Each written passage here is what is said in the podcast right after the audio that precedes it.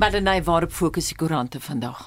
Is on nou by draaipunt so haal die beeld die DA-leier uh, John Steenhuisen aan. Dit volg op die ANC se nederlaag in verskeie metro's en munisipaliteite na die plaaslike regeringsverkiesing. In Gauteng is al drie metro's nou onder DA-leierskap en dis nadat die EFF en Action SA hulle stem aan DA-kandidaate as burgemeesters gegee het. Twittergons behoorlik hieroor. Dis een van die gewildste onderwerpe vanoggend. Stories ook op die burger se voorblad, maar ontleeders daar waarsku dat die DA nou na die partye se pype sal moet dans. Nog 'n beeld opskrif Jeep jag weg na botsing met Trikken se pa en Karel Eis. Die voorval het in Limpopo plaasgevind en nog tragiese nuus die keer op die burger se voorblad man dood toe hy in vloedwater beland naby Mossel Bay. Ons bly by nuus oor die weer in Nelson Mandela Bay. Berig die Herald dat goeie reën in die gebied 'n mate van verligting bring wat die droogte in die streek betref. Volgens die koerant kan dit help om droë krane tot einde Januarie af te weer. Water moet egter steeds spaarsamig gebruik word. Op internasionale nuusfront waarsku die Wêreldgesondheidsorganisasie dat Europa nog 700 000 COVID-19 sterftes kan verwag en die jongste slagoffer in die 6ste van die Wisconsin voorval in Amerika is 'n 8-jarige seentjie. Bietjie meer daaroor later vandag in die programme voertuig die afgelope naweek deur 'n groep mense geploeg tydens 'n parade daar. Dan die gesogte Grammy musiektoekenning se benoemings is gister bekend gemaak. Verskeie musikante spog met hulle benoemings op Twitter soos Lady Gaga sy het 6 benoemings gekry vir haar album wat sy opgeneem het saam met die ikoniese Tony Bennett. Justin Bieber het ook een gekry en sy opgewondenheid daaroor trek heelwat aandag en Twitter gebruikers loof hom vir sy nederigheid. Ek sien ook Lil Nas X het 5 benoemings. Die Grammys hitsmerk is een van vanoggend se gewildes. En dit was Marlenae met vanoggend se nuusoorseig. 15 minute na 6. Vra jy jouself wat is die impak van die massas maskers wat mense gebruik om hulself te beveilig teen COVID-19? Wel dit is die vraag wat 'n navorser van Nigerië wil beantwoord. Professor Gideon Idu van die Federal University of Technology in Akure het pas die Jennifer Ward Stichting se navorsingstoekenning ontvang. Idu sê die toekenning ter waarde van 150 000 dollar sal aangewend word om navorsing te doen oor mikro plastiek besoedeling en spesifiek die besoedeling wat maskers veroorsaak. There are little research done on them. For instance, uh, you look at the medical face mask that uh, people use for COVID 19 prevention. That has been used a lot. In the past, before the COVID 19 era, it used to be the medical personnel that were using those things for what we call occupational hazards prevention. So, but then with the COVID 19 pandemic coming on board, these medical face masks that typically are produced in hundreds or few thousands have been produced in billions. And all of that is going to end up in the environment, either in the soil environment, in the water, wherever they end up, they will definitely have consequences. So, part of the project I have done is to look at the effects of this medical face mask to see whether they actually release microplastics and chemicals. And our results show that they actually release uh, microplastics into the environment. So, and there are so many other plastic types apart from the medical face masks that are in the environment. So, we know that definitely they are there. We are only trying to now quantify and then look in more details their effects and establish in clear terms how they cause the loss of biodiversity, the biodiversity and loss of uh, aquatic biodiversity and reduction of population of species. Ido sê mense herwin nie die maskers behoorlik nie en die besoedeling daarvan raak al meer. So what we want to achieve mainly is to come up with these evidences to show policymakers and authorities that we really need to do something to reduce the pollution plastic that we have in Africa. Die bestuurshoof van die Oppenheimer Generations Philanthropy, Bridget Ferry sê dit is belangrik vir privaat individue en maatskappye om navorsing te befonds om die omgewing te bewaar. The reality is that there's an extraordinary need for private individuals and family offices to provide flexible funding to enable all sorts of social development to happen, to support research, to support innovation around creating solutions to problems that we have. And I think having those sorts of organizations really increase the opportunity for us to solve the problems that we have in South Africa, Africa, and globally.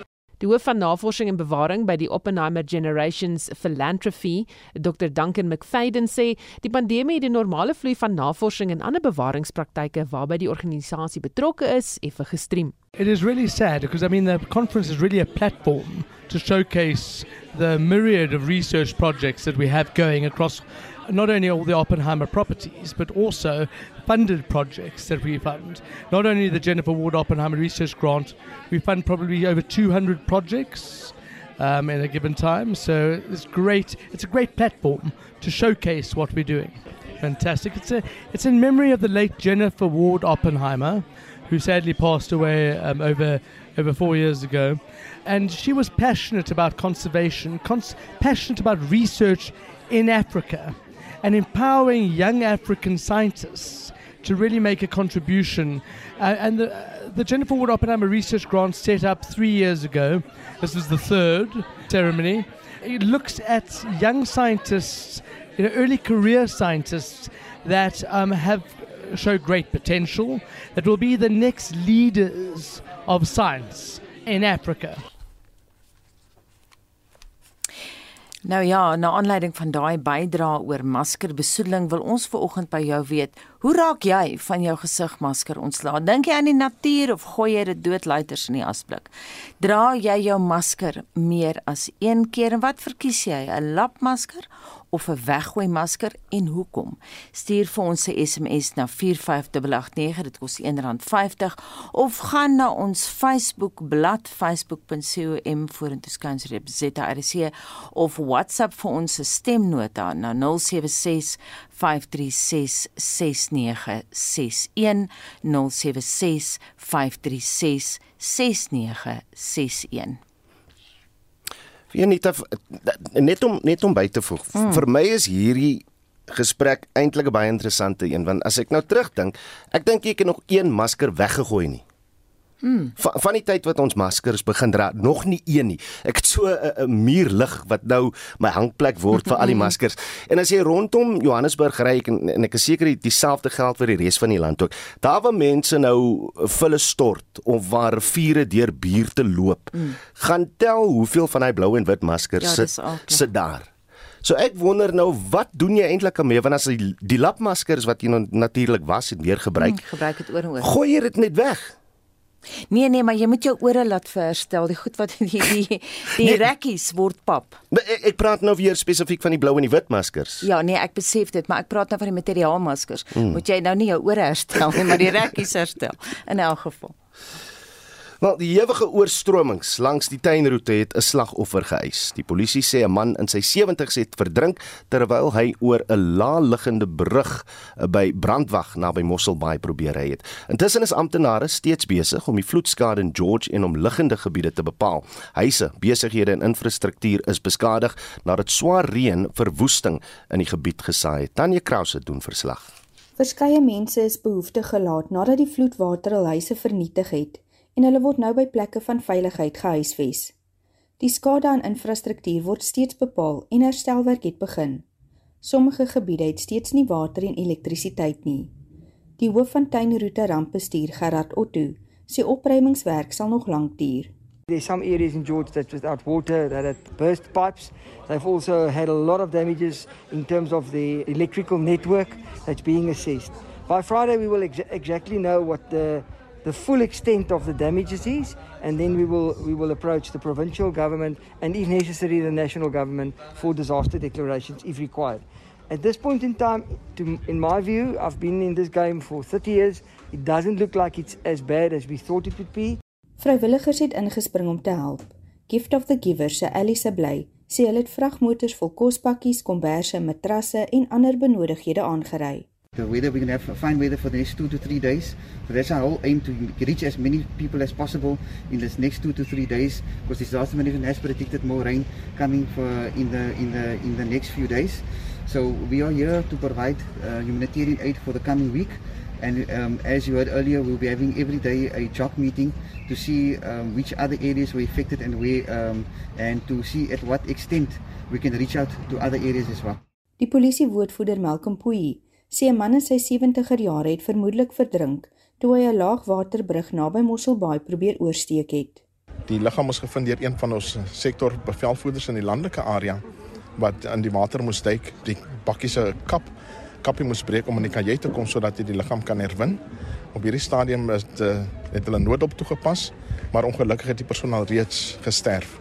'n Geregtelike doodsondersoek is dus geopen. Daar sal ook 'n lijksgewing wees om die oorsaak van sy dood te bepaal. Nooddienste handhaaf 'n hoë gereedheidsgrondslag aangesien meer reën vir die gebied later in die week voorspel word. Ek is Tanya Krause op George. 'n ander deel van die land is slagoffer van aanvalle in die Phoenix omgewing tydens die wydverspreide onrus in Julie, het voor die MRK getuig oor sy nag met die ondervinding toe hy in die bestek van 2 uur by 3 verskillende plekke deur gewapende groepe aangerand is.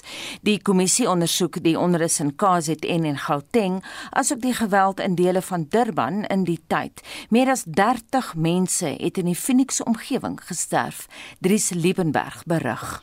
Mbozo Taba het met die hulp van 'n tolk voor die kommissie getuig hy wou op Maandag 12 Julie gaan petrol ingooi om sy vriendin by die lughawe te gaan haal.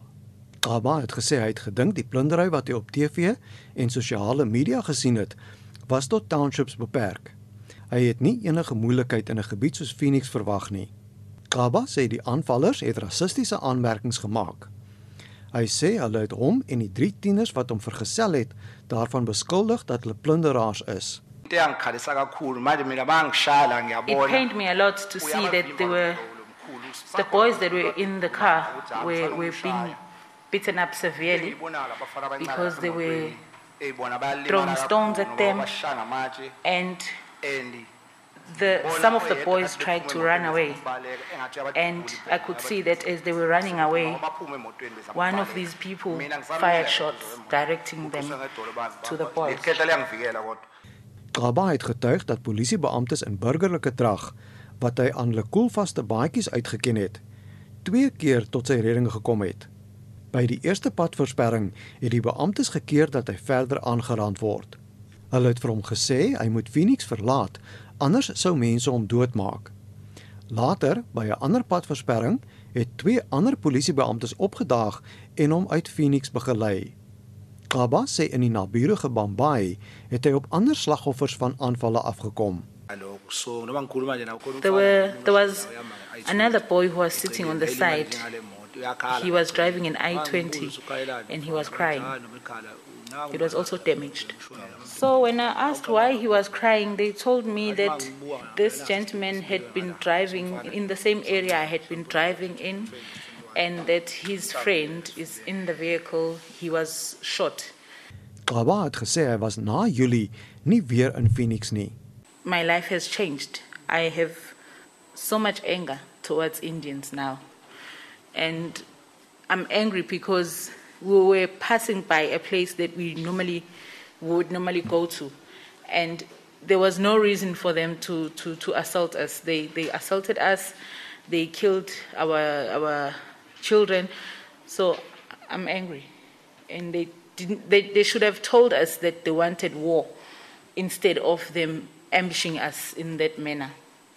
Intussen het Bongani Mkhize van Umlazi in die suide van Durban getuig hoe drie mans hom naby Wentworth geskiet het terwyl veiligheidswagte hom ondervra het.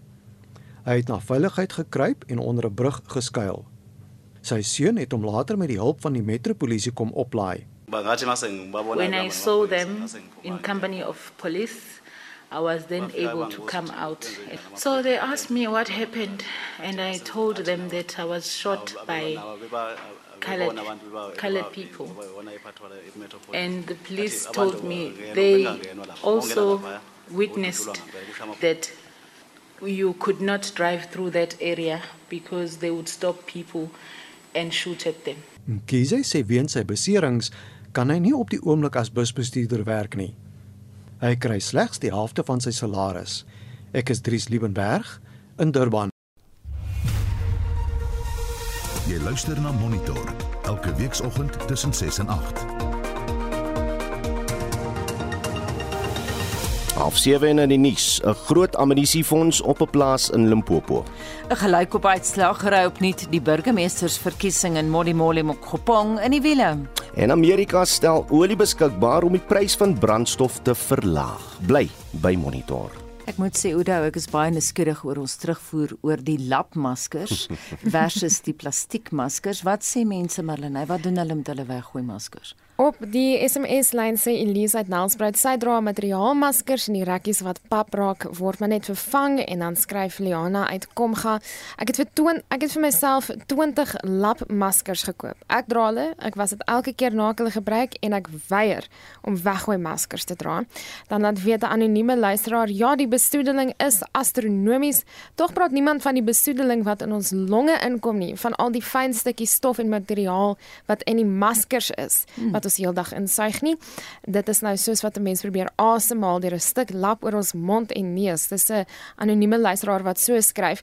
Dan is daar 'n klomp terugvoer op Facebook. Nicoline Booth skryf weggooibare maskers maak lekker afstoflappe en die rekkies gebruik ek weer vir lapmaskers. Johanna Val sê ek het verskeie lapmaskers wat ek was en stryk en hergebruik. Sodoende besoedel ek nie die omgewing nie. Die weggooi maskers pas my boonop nie. Die rekkies breek altyd my kop is te groot. Dan sê Raquel Lewis ek het so 4 weggooibare maskers op 'n slag tussen werk en winkel. As ek in die kar klim, spuit ek my masker buite en binne, dan hang ek dit aan die regter liewer. Volgende keer vat ek een op die linker liewer en sou ek aan tot al vier aan die regterkant hang. Dan ry ek hulle net na links. Die oudste een is dan voor. So sy het 'n hele roteringsstelsel wat daar aan die gang is. Sy sê maar sy hou hulle net vir 'n week en dan Vrydag knip sy hulle almal op tot in klein stukkies en gooi sy hulle weg. Isteltron skryf ook vir ons my werkgewer vereis dat ons elke dag 'n nuwe weggooibare masker gebruik. My werk voorsien dit en om te voorkom dat diere dan verstrengel raak, het ek die gewoonte aangeleer om die rekkies middeldeur te sny, asook die masker van bo na onder deur te sny. Die maskers word boonop as mediese afval gesien en gesorteer. Elke bietjie help. Ek moet sê ek's nou baie nuuskierig. Ons weet nie wie daai vrou is wat sê sy is so metodies, sy hang in haar motor en dan Nee, dit is Vrydag. Raquel. Sy's op um, as ek dit reg sê, Raquel, sy's op Facebook. Jy kan daar gaan weer Ek lees. wonder Anita. wat se werk doen jy want jy het 'n duidelike 'n flair vir om metodies te wees en dinge goed aan te pak. Ek soek net gat. Ah, waar gat in die kar is, ag, gooi kom in. So ja. Ja, my kar is ook vol van die goed. Maar stuur 'n SMS na 45891 R50 'n SMS as jy wil saampraat. Kan ook jou mening op ons Facebookblad gaan deel. Kan ook 'n WhatsApp stemnota stuur na 076 536 6961. 076 536 6961. 23 minute voor 7. Nou die hoof van AfriForum se privaat vervolgingseenheid, advokaat Gerry Nel, het slotbetoog gelewer in die geregtelike doodsondersoek van Soraya Didat en haar vier kinders. Die 31-jarige Soraya, 4-jarige Uzair, 3-jarige Fatima 2-jarige Laikwa en die 6 maande oue Zubair het in 2011 in hulle huis Ormond in, in Ormonde in die suide van Johannesburg doodgebrand.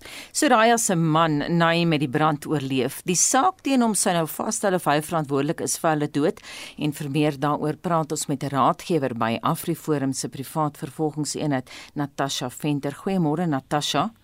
Goeiemôre. Ek weet dat advokaat Gerry Nel het regtig daai saak verskriklik gedryf. Dit is nou al 10 jaar oud. Skets vir luisteraars wat nie die hele storie gevolg het nie, net die agtergrond vir ons vlugtig. Ja, so hierdie saak of hierdie insident het al in 2011 in Julie 2011 gebeur. Ehm um, soos julle nou gesê het, het Soraya en haar vier kinders ongelukkig tragies doodgebrand in 'n vuur en uh, die man en Naim Didat het dit oorleef. Ehm um, dit het weer nou in die getuienis uitgekom dat hy nie sy baard nie eers geskroei is nie en ons verskeie ander goed waarna ek nou-nou sal kyk.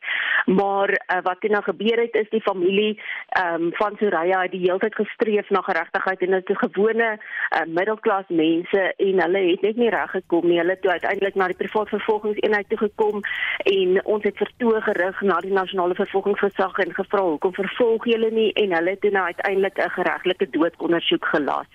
En dit is waarmee ons nou betrokke was hierdie geregtelike doodsondersoek en die landdros het toe nou gister die bevinding gemaak dat die persoon van belang in die geregtelike doodsondersoek wat dan nou Naim Didat, die man van Soraya was, dan nou aange of aangekla of aanspreeklik gehou kan word vir die dood van sy vier kinders en sy vrou. Natasha voor ons by van die van die besonderhede uh, uitkom wat in die verhoor uitgekom het. Hoekom was dit vir AfriForum belangrik dat julle hierdie saak opneem? Eerstens omdat die familie so lank gestreef het na geregtigheid en hulle het dit nie daarbey uitgekom nie. En tweedens sien ons al hoe meer dat die ehm um, direkteure van openbare vervolging van die provinsies ehm um, geregtelike doodsondersoeke gelas eerder as om te vervolg omdat dit 'n makliker uitweg is. Ehm um, dit is meer informele prosesse en dan kan die landdros nou besluit watter getuies hy wil roep en dit beteken dat hulle uh, nie dadelike vervolging hoef in te stel of as die landdros bevind dat die persoon nie noodwendig aanspreeklik gehou kan word nie, kan hulle dan besluit of hulle besluit om nie te vervolg nie substansieer eerder as om 'n persoon dadelik te vervolg. Natasha, dink jy die saak kan 'n presedent skep? Ek dink dit is ons is verskeie by uh, verskeie uh, geregtelike doodsondersoeke betrokke op hierdie stadium. So ons hoop dit is 'n goeie dit skep 'n goeie presedent en um, dat dit die nasionale vervolgingsgesag sal loop om sake waar daar prima facie getuienis is om iemand te vervolg, dadelik te vervolg eerder as om 10 jaar soos in hierdie geval te laat verloop voordat daar iets gebeur vir die oor of die familie van die slagoffers. Wat lê nou voor vir Naim Didat?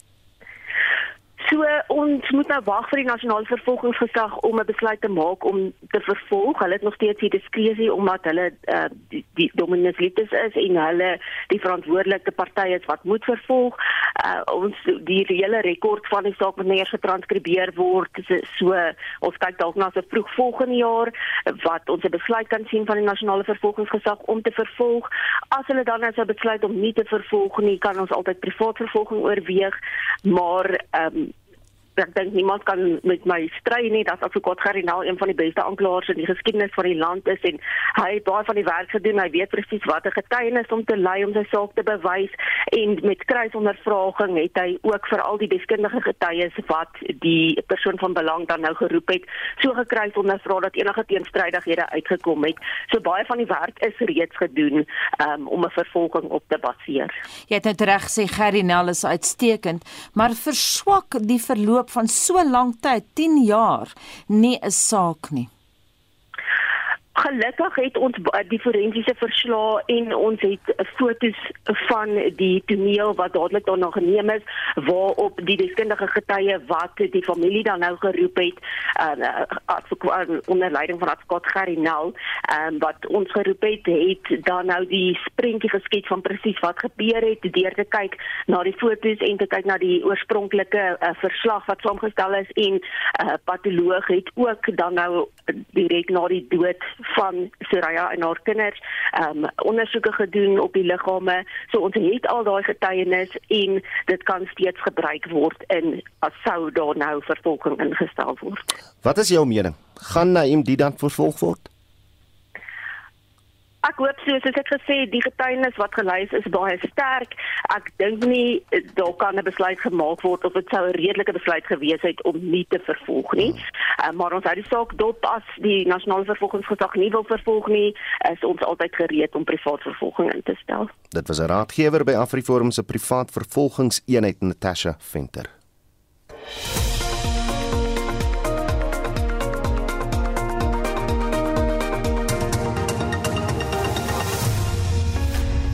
Die moontlike afdanking van drie voorste misdaad-inligtingsamptenare wat beskuldig word van die plundering van openbare fondse om Jacob Zuma te bevoordeel, sal nie veel verander aan korrupsie binne die polisie nie.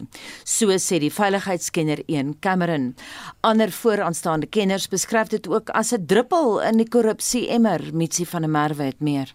Ian Cameron glo nie die inhegtenisname van drie offisiere gaan 'n verskil maak aan die funksionering van die polisie nie konteks te gee, die ANC se groot Mangaung konferensie waar hulle elke paar jaar aankondig wie die nuwe partypresident is, het in 2012 en 2017 groot opslag gemaak met spesifiek Jacob Zuma en die betrokkenheid van die polisie se misdaadintelligensie eenheid onder andere was natuurlik 'n groot besprekingspunt. Ek dink die groot kommer van hierdie spesifieke kwessie is dat die polisie werklik waar gekaap is. Net ek dink die mense besef altyd dat drie polisiebeamptes wat nou gearresteer gaan word nie 'n wesenlike verskil gaan maak nie. Inteendeel, en ek klink dalk soos 'n pessimis, ek dink dit's bietjie soos hulle in Engels sê sugarcoating of eerder nog beter 'n rookskerm om dit te laat lyk asof daar iets gebeur. Marion Tum het in die Daily Maverick berig dat 3 top polisieoffisiere moontlik binnekort afgedank gaan word.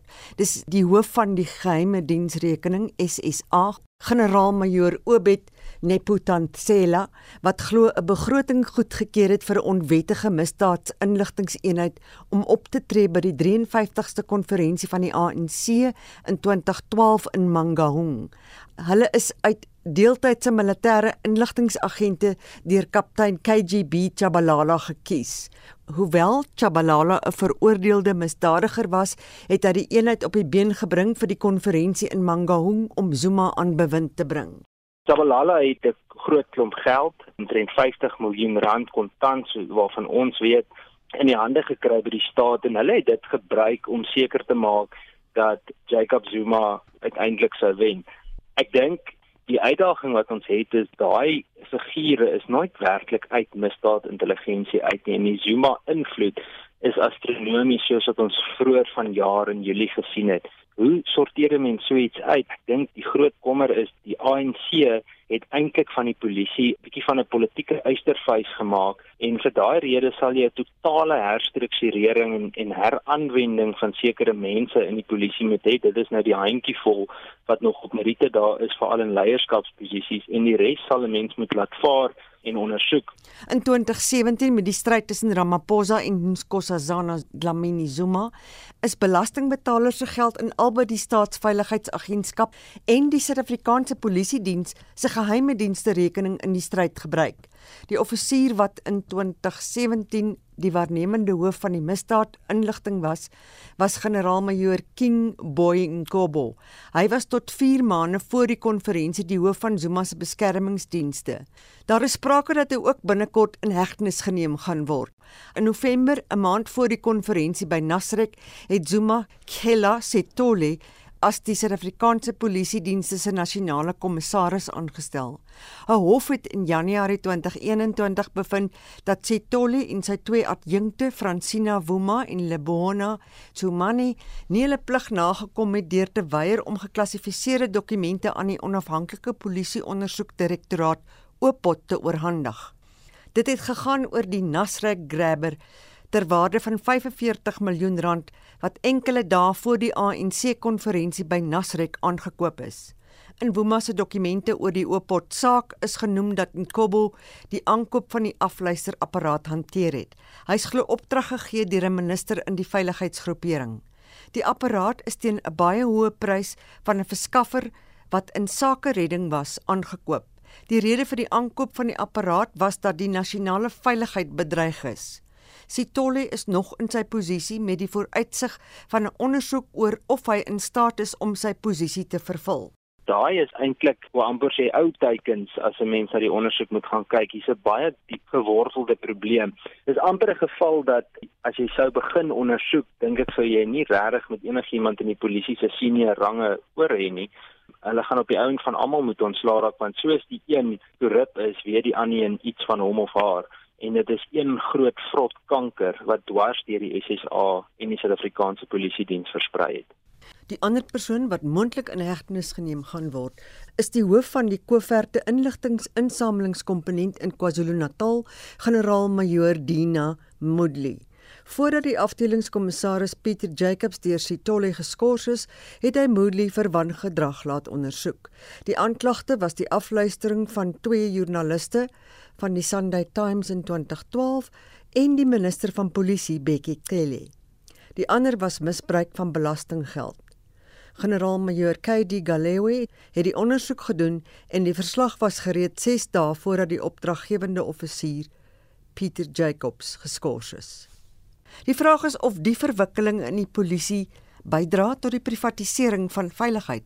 Absoluut. Die privatisering van basiese veiligheid in Suid-Afrika in terme van die private sekuriteit-industrie is eintlik die verskriklike eenvoudige eerste antwoord wat ons kan sien en, en dis absoluut die publiek en die private sektor se manier om te sê maar ons moet 'n alternatief kry om voort te gaan. So ons kan probeer om rookskerms uit te dink of goed te probeer kry om die polisie se gebrokenheid te probeer wegsteek. Die feit van die saak is die polisie het reeds gesing.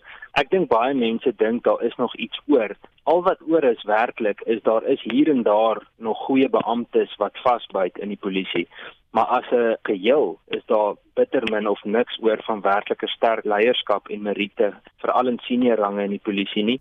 Wat sou die alternatief wees? Is soos wat ons al voorheen gesê het, is die desentralisering van polisie 'n federale tipe van 'n polisiediens wat jy direk kry waarvoor jy stem. So as jy in jou provinsie of jou plaaslike regering vir die ANC sou stem, dan kan jy verwag om verdere gemors te sien met die polisie soos wat ons reeds sien en indien jy anders sou stem, het jy moontlike geleentheid vir iets anders. Die enigste provinsie waar ons tans sien waar daar werklik wesenlike hulpbronne ingestoot word met provinsiale en plaaslike wetstoepassing is in die Wes-Kaap oral verder sien ons die ANC probeer mag in terme van wetstoepassing net verder sentraliseer. Die polisiediens is volgens Cameron ontmagtig daar's 'n massiewe tekort aan hulpbronne. Ons sit met 'n tekort aan kundigheid, goeie opleiding.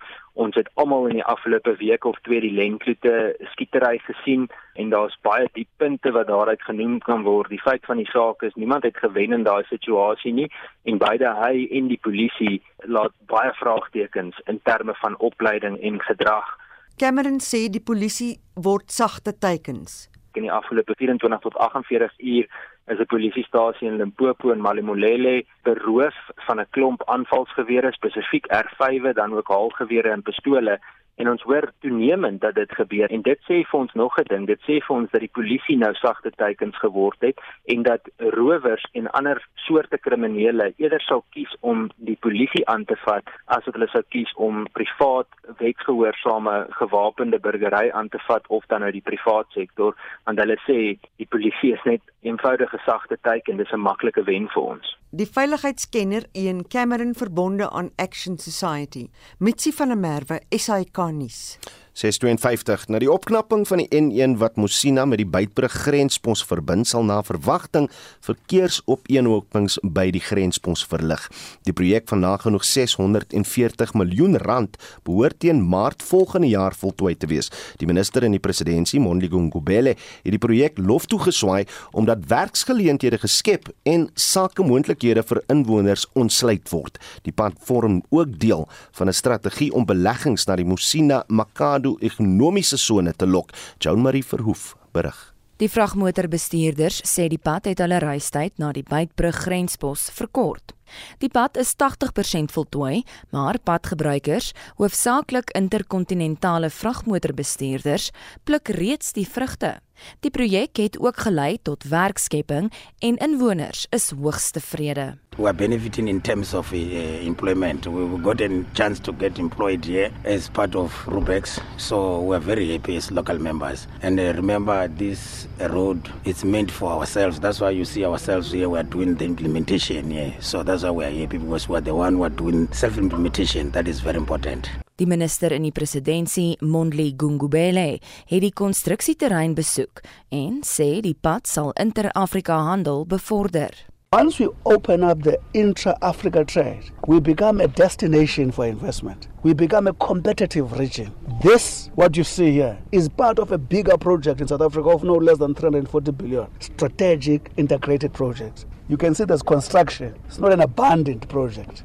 We want to make sure that uh, these projects are successful. We expect a lot of jobs on the multiplier outside, but now I've been advised no less than 300 jobs have been what to call have been created. Die hoof van infrastruktuur in die presidentskap, Khosienso Ramokgopa, sê die vervoer van goedere tussen groot hawens in Afrika sal ekonomiese groei 'n hupstoot gee. In this instance, uh, it's uh, intra-Africa trade, the movement of goods from the port of Devon and the various ports uh, north of the continent. They have to go through uh, the N1 and then they reach the, the border post. So what this project does, it's uh, increase the efficiency so trucks don't have to go through uh, the city center. There's a, it's a bypass, so we are relieving the pressure from the municipality to fix the roads, but also the congestion that is associated with this.